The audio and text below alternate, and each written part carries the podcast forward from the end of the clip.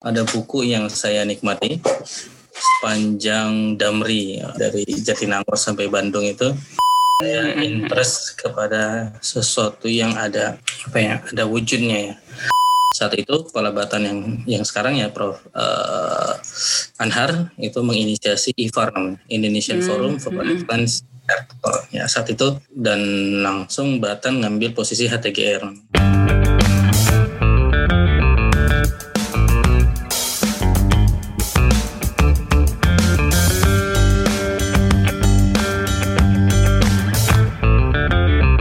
Datang di podcast Bicara Nuklir, podcast pertama yang membahas tentang sains dan teknologi nuklir di Indonesia. Di season ini, kita akan ngobrol dengan lebih banyak ahli dengan topik yang lebih luas dan lebih far-reaching daripada sebelumnya. Kita akan gali lebih dalam tentang topik-topik nuklir, baik yang umum maupun yang belum familiar di tengah masyarakat. Jadi stay tuned and let's get radiated.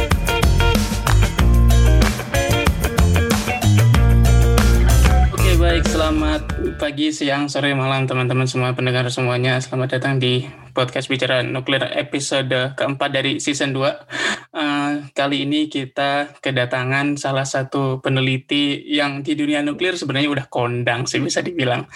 ya Pak Tapan ya. uh, kita kedatangan dokter.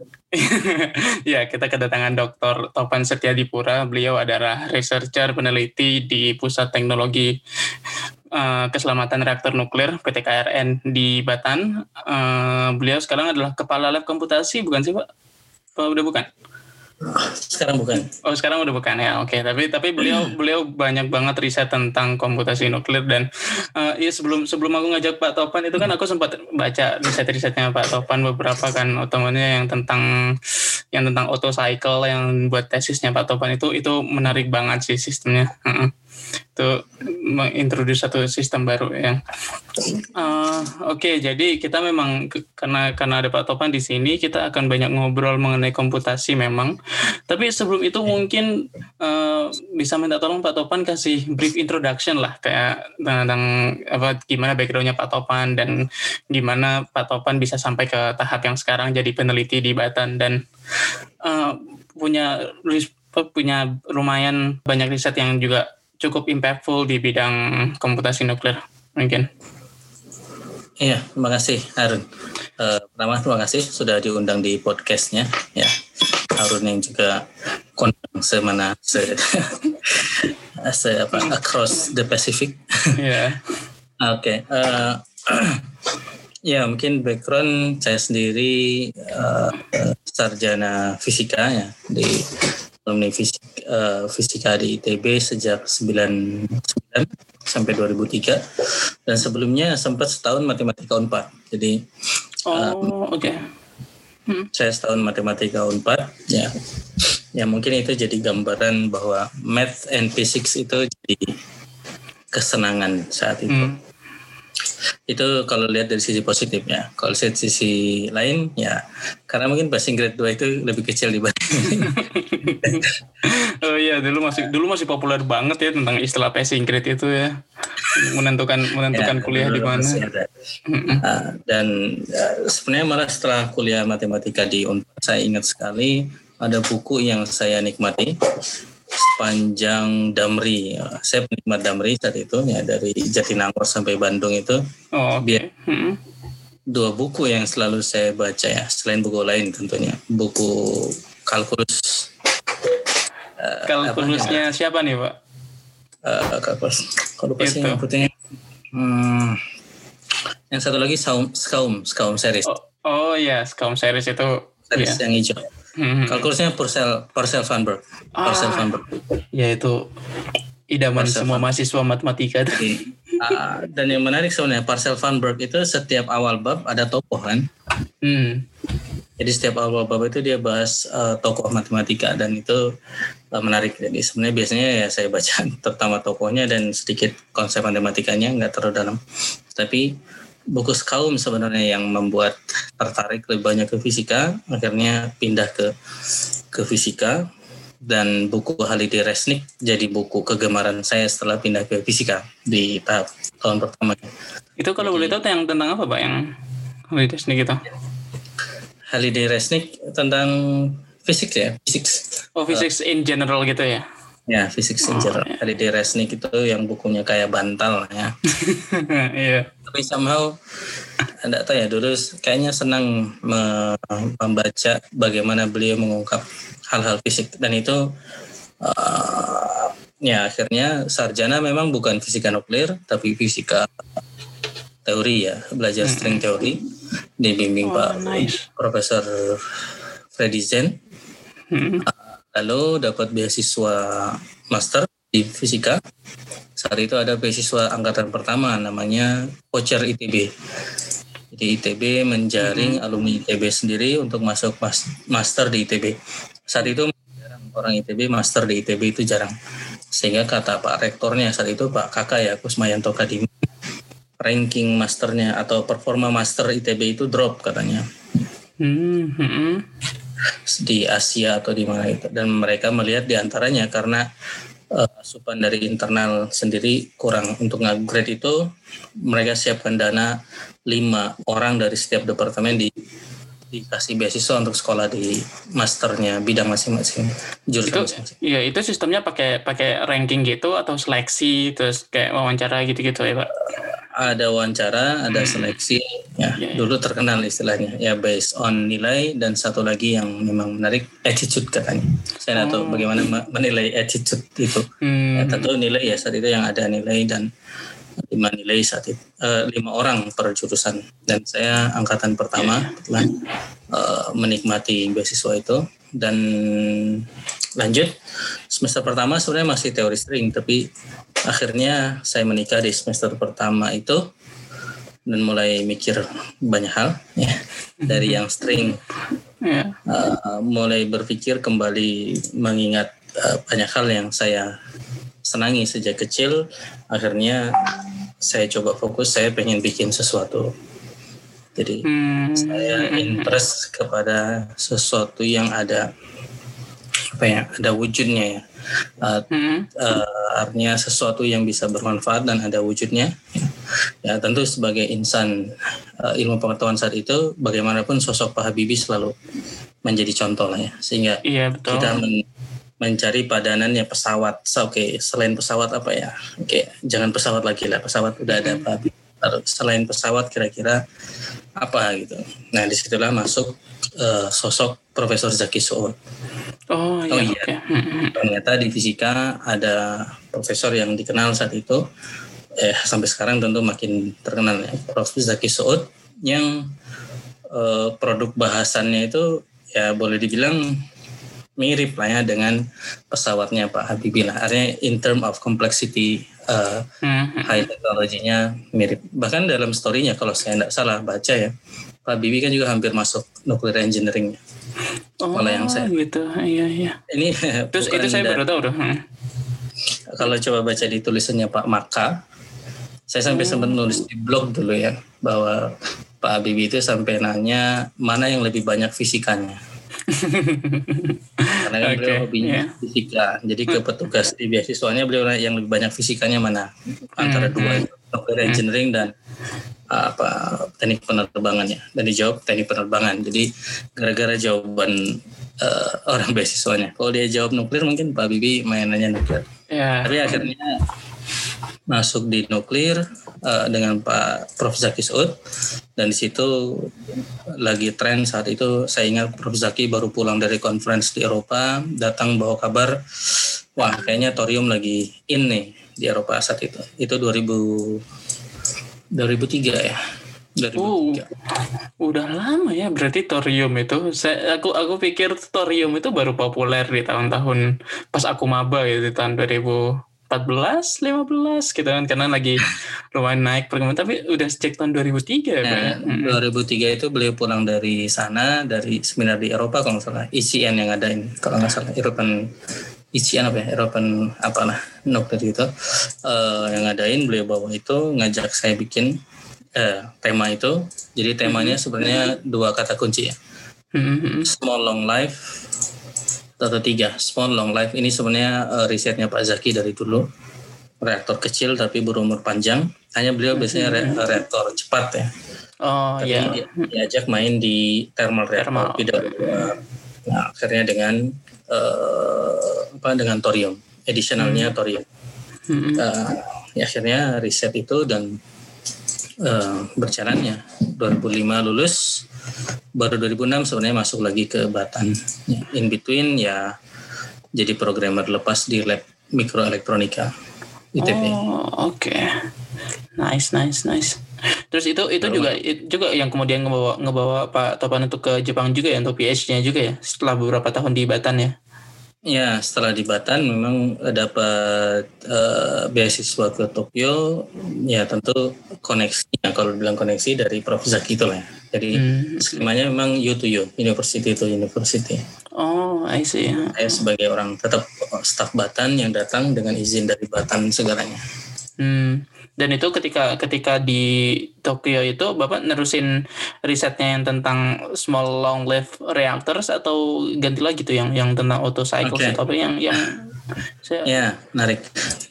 Eh, ketika saya masuk Batan, alhamdulillah, nah ini mungkin menjadi masuk ke tema kita. Saya masuk di bidang yang namanya bagi saya sangat bagus, computational division, bidang komputasi. Hmm. Jadi bidangnya sendiri memang namanya bidang komputasi, meskipun ini eh, boleh dibilang sisa dari zaman saat OC mainframe ya. Jadi dulu di Batan saat, saat zaman komputer itu satu dan semua melayani dilayani oleh dia, sehingga harus ada bidang tertentu yang me- membantu mainframe ini supaya bisa melayani orang lain.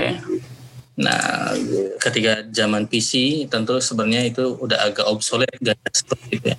Hmm. Saya masuk di bidang itu, saya ketika saya masuk udah jarang mesin mainframe itu dipakai ya. Jadi kita udah masuk di era PC, orang udah main di PC masing-masing, tapi bidang itu masih ada. Mhm. Eh, jadi riset saya sebenarnya udah agak main ke komputasi, tapi masih melanjutkan tema yang di S sarjana. Ketik eh di master dengan Pak Zaki ya. Dengan Pak Zaki saya masih bahas netronik, Mhm. tapi kita coba kembangkan termohidroliknya. Oh, Ukur. I Kalau see. sekarang NuScale, NuScale kan terkenal dengan risernya ya. Mhm. Iya. Riser. Nah ini d- di reaktor yang kita namakan Tobat. Kalau googling ada reaktor namanya Tobat double T, Iya. thorium battery, thorium battery. Di antaranya parameter itu yang kita hitung. Berapa ketinggian riser agar memang eh, natural circulation itu bisa Bisa jalan ya. Bisa jalan gitu. Mhm. Ya, ya, itu pun sempat ngoding kecil-kecilan lah untuk sistem try and error natural circulation itu. Begitu. Oke. Jadi banyak situ. Dan main Monte Carlo, ya, main Oh. ngoding-ngoding Monte Carlo. Iya, iya. Dan ketika ke Jepang makanya menarik ya. Jadi saat itu Batan sendiri udah milih HTGR sebenarnya. Mhm. Jadi konstelasi Batan HTGR, UGM MSR, dan Fisika ITB PWR. PBBI, PBBI Oh, Pebble. Oh, yang itu ya. Yang advance ya. Hah, Oke, oke. yang advance, IFAR namanya, Indonesian Forum for Advanced Reactor. Saat itu kepala Batan yang yang sekarang ya Prof eh, Anhar itu menginisiasi IFAR namanya, Indonesian Forum for Advanced Reactor. Ya saat itu Alright. ya, ya ikut ikut ya eh, Pak Anhar, Pak Dandang, kapus saya sekarang menginisiasi itu dan langsung Batan ngambil posisi HTGR namanya. Hmm, hmm. tidak luput dari peran senior-senior ya, termasuk Pak Lim Peng Hong tentu yang bikin eh, peninggalan yang eh, sangat baik di riset HTGR dan peneliti-peneliti lainnya. Jadi jadi risetnya kadang desain HTGR, kadang komputasinya, kadang masih lanjut yang itu. Dan pas ke ini menarik waktu doktoral, Iya. proposal saya itu pertamanya development eh, MCNP code. Hmm, hmm. Sendiri maksudnya bikin kode Monte Carlo sendiri gitu. Ya ya, from the scratch lah ya. Hmm. Dan zaman itu make sense ya, karena Serpent pun kan dibangun saat itu ya. Serpent, Iya. Serpent itu kalau saya ingat saya disertasi 2007 itu. Hmm, betul.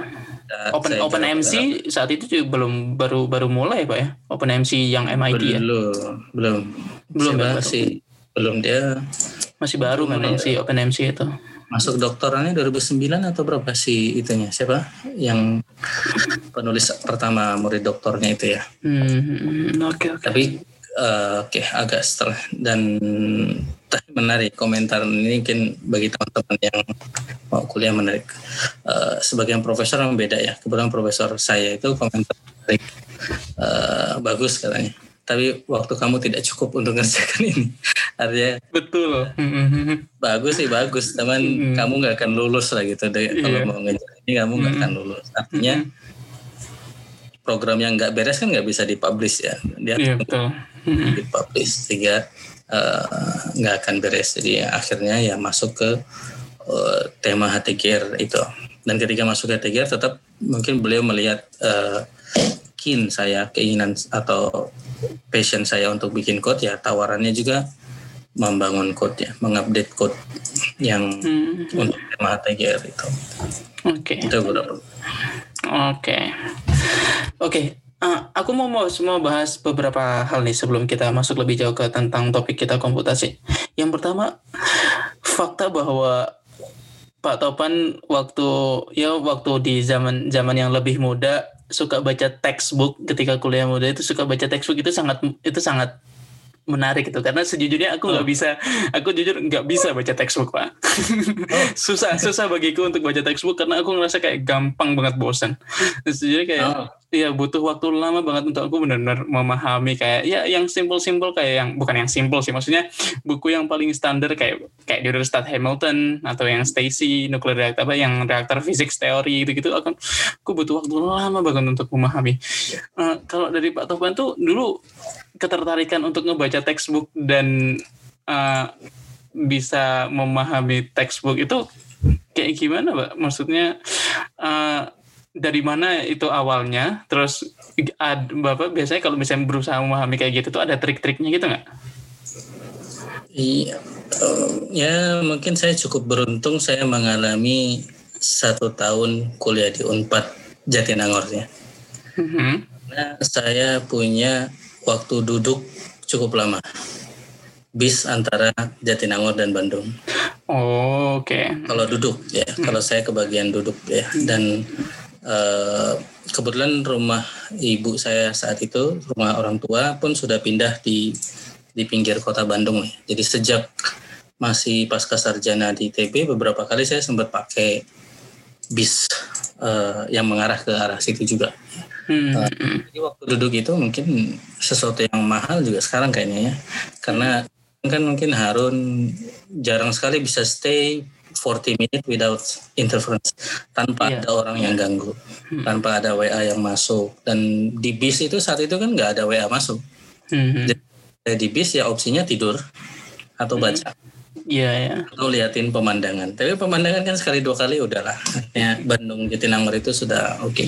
Dan ketika mulai masuk kampus di ITB ya kebetulan ITB banyak tempat untuk sembunyi nah artinya Mhm. Ya cukup banyak tempat untuk berdiam dan kita baca baca buku. Ya, Oke. nggak tahu ya, tapi rasanya asik sih baca seperti itu karena eh, kalau minjam istilahnya salah satu profesor di ITB yang legend Prof. Chia Mayon ya Chia Mayon itu istilah beliau sampai ada istilah pelototin artinya perlu melihat tapi juga read between the line membaca apa yang ada di antara line itu karena banyak Mhm. physical eh, maksud fisiknya seperti apa dan itu jadi jadi seru lah ya Iya. ya mungkin orang yang hobi baca manga Mhm. Mhm. ketika dia baca itu mungkin satu halaman bagi kita wah cuman ya pindah Iya. halaman tapi bagi Iya. dia mungkin gambarnya itu menarik dan lainnya menarik nah itu yang Mhm. yang menarik ya oke Ya itu itu itu menarik banget sih karena pemahaman tiap orang kan beda-beda ya. Cara mema- cara orang memahami beda-beda ya. Dan aku sejujurnya bukan tipe orang yang suka baca textbook. Jadi mu- menarik banget kalau misalnya aku aku benar-benar kagum dengan orang-orang yang bisa memahami textbook langsung gitu. Maksudnya tanpa ada lecture terus bisa melihat dari textbook itu aku benar-benar kagum gitu pak. Oh, Oke, Nah, s- selanjutnya yang kedua tadi Pak Topan nyebut sebentar tentang IFAR Indonesia. Oke. Indonesia sorry bisa diulangi? Indonesian Indonesian Forum for Advanced Reactor ya. Yep. Itu diceritakan nggak Pak? Soalnya ini sejujurnya saya baru tahu nih dan mungkin juga beberapa teman-teman pendengar yang apa peneliti nuklir muda mungkin bahkan nggak ada yang tahu nih. Mungkin bisa dijelaskan lebih rinci gitu Pak? Apa ya, itu? tahun saat itu berarti tahun 2007-an kali ya. Kan Gen 4 itu sangat mulai lahir dan lagi ngetren ya. Gen ya, lahirnya GIF itu ya, Generation 4 Forum nah, itu ya? Saya lupa publikasi itu. pertama itu kapan ya Gen 4. Tapi 2007 itu mulai seru. 6 itu sudah well defined gitu.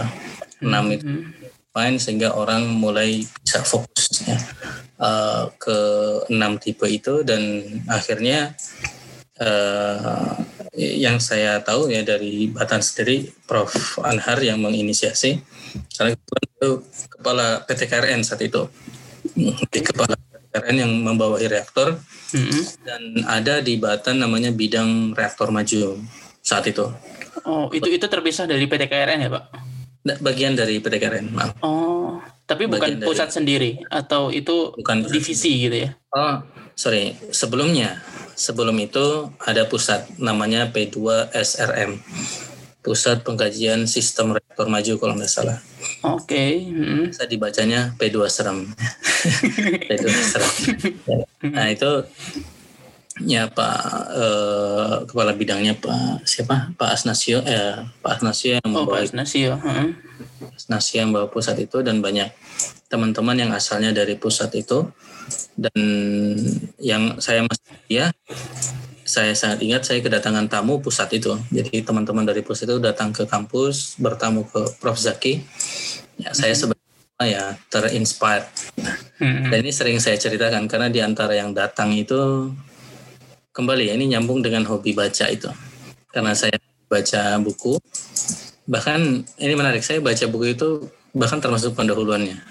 Oh, itu bahkan okay. yang sering saya baca.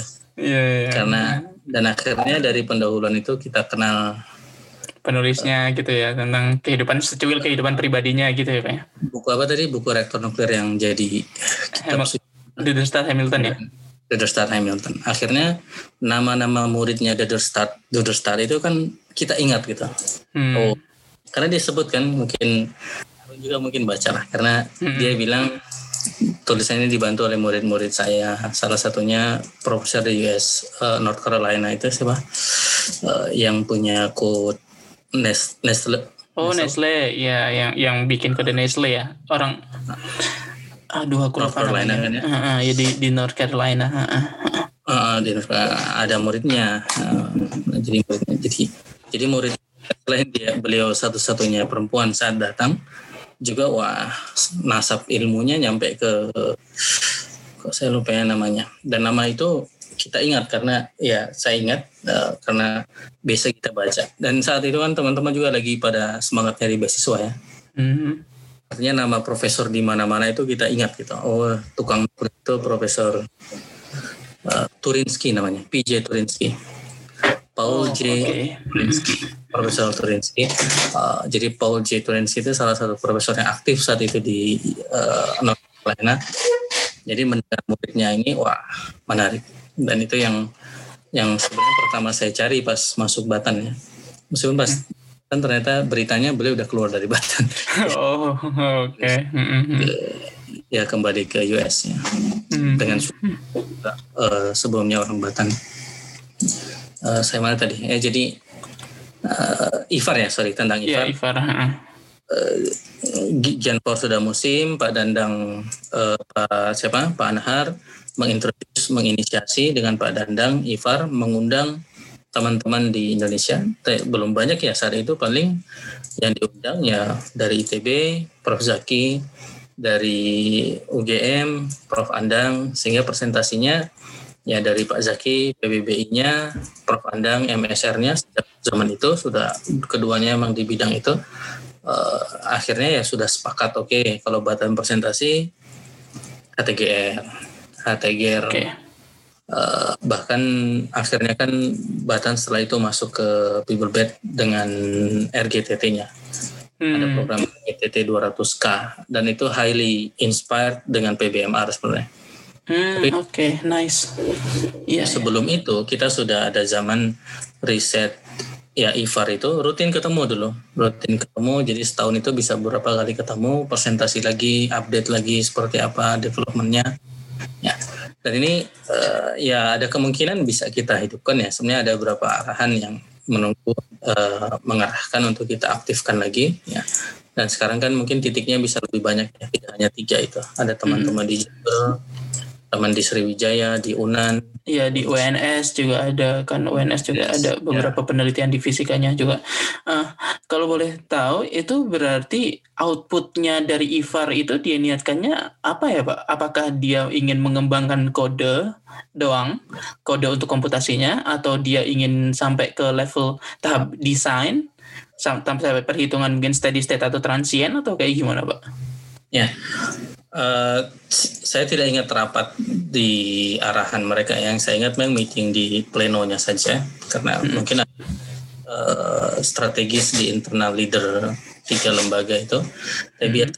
dia presentasi mengarah ke uh, improvement dari UGM misalnya apa harapannya dari presentasi rutin itu saja kan minimal UGM atau siapa pun itu malu kalau presentasinya sama dengan uh, semester lalu. Jadi misalnya mm-hmm. PBBI-nya udah sampai mana sih? Kalau kalau masih ngitung itu ya itu tidak bagus lah. Sebenarnya secara secara kesadaran itu saja mendorong agar improvement itu ada terus gitu. Tapi saya ingat okay. dalam IFAS ini tidak ada target apalagi bikin code-nya. Saat itu kayaknya belum sampai keluar itu. Lebih ke analisis desain mereka seperti apa. Berarti Nanti di Batan memang ada rencana. Berarti buat desain baru gitu, Pak? Ya itu diserahkan ke masing-masing sebenarnya. Ivar oh, sendiri okay. silahkan misalnya Pak Zaki, ya Pak Zaki akhirnya kan uh, ya karena banyak mahasiswa ya desain bisa macam-macam di bawah uh, eh, PBBI ya Pak Andang pun begitu para mahasiswanya ya. Mm-hmm, betul. Mas bisa masuk ya. Iya. Uh, di Batan kayaknya Batan kan lebih struktural ya, lebih struktural hmm. karena ada pemerintah. Uh, jadi tidak lama akhirnya Batan mempunyai rencana. Dan saya sempat sampaikan ke Pak Dandang juga ketika saya mau sekolah 2009 itu rencana Batan untuk mulai memajukan desain di HTGR itu sudah ada.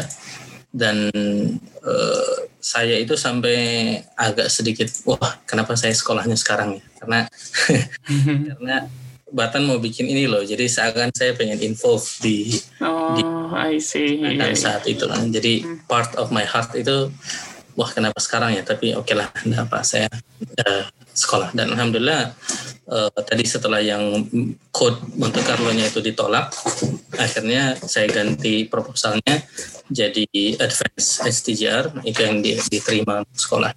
Hmm, dan itu juga nyambung dengan proyek yang ada di Batan gitu ya, lebih kurang Betul. kayak gitu ya. Hmm. Jadi kenapa saya ganti ke Advance STGR ya? Karena ada uh, atmosfer tadi udah muncul bahwa hmm. Batan uh, eh, STGR dan lain sebagainya.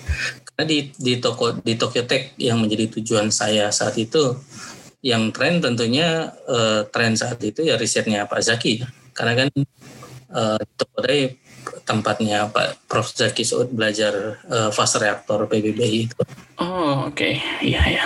Tapi yang menarik ternyata hmm. dan ini saya selain ternyata kan di Tokyo di Tok Tokodai itu terkenal dengan candle burn up itu. Hmm, iya.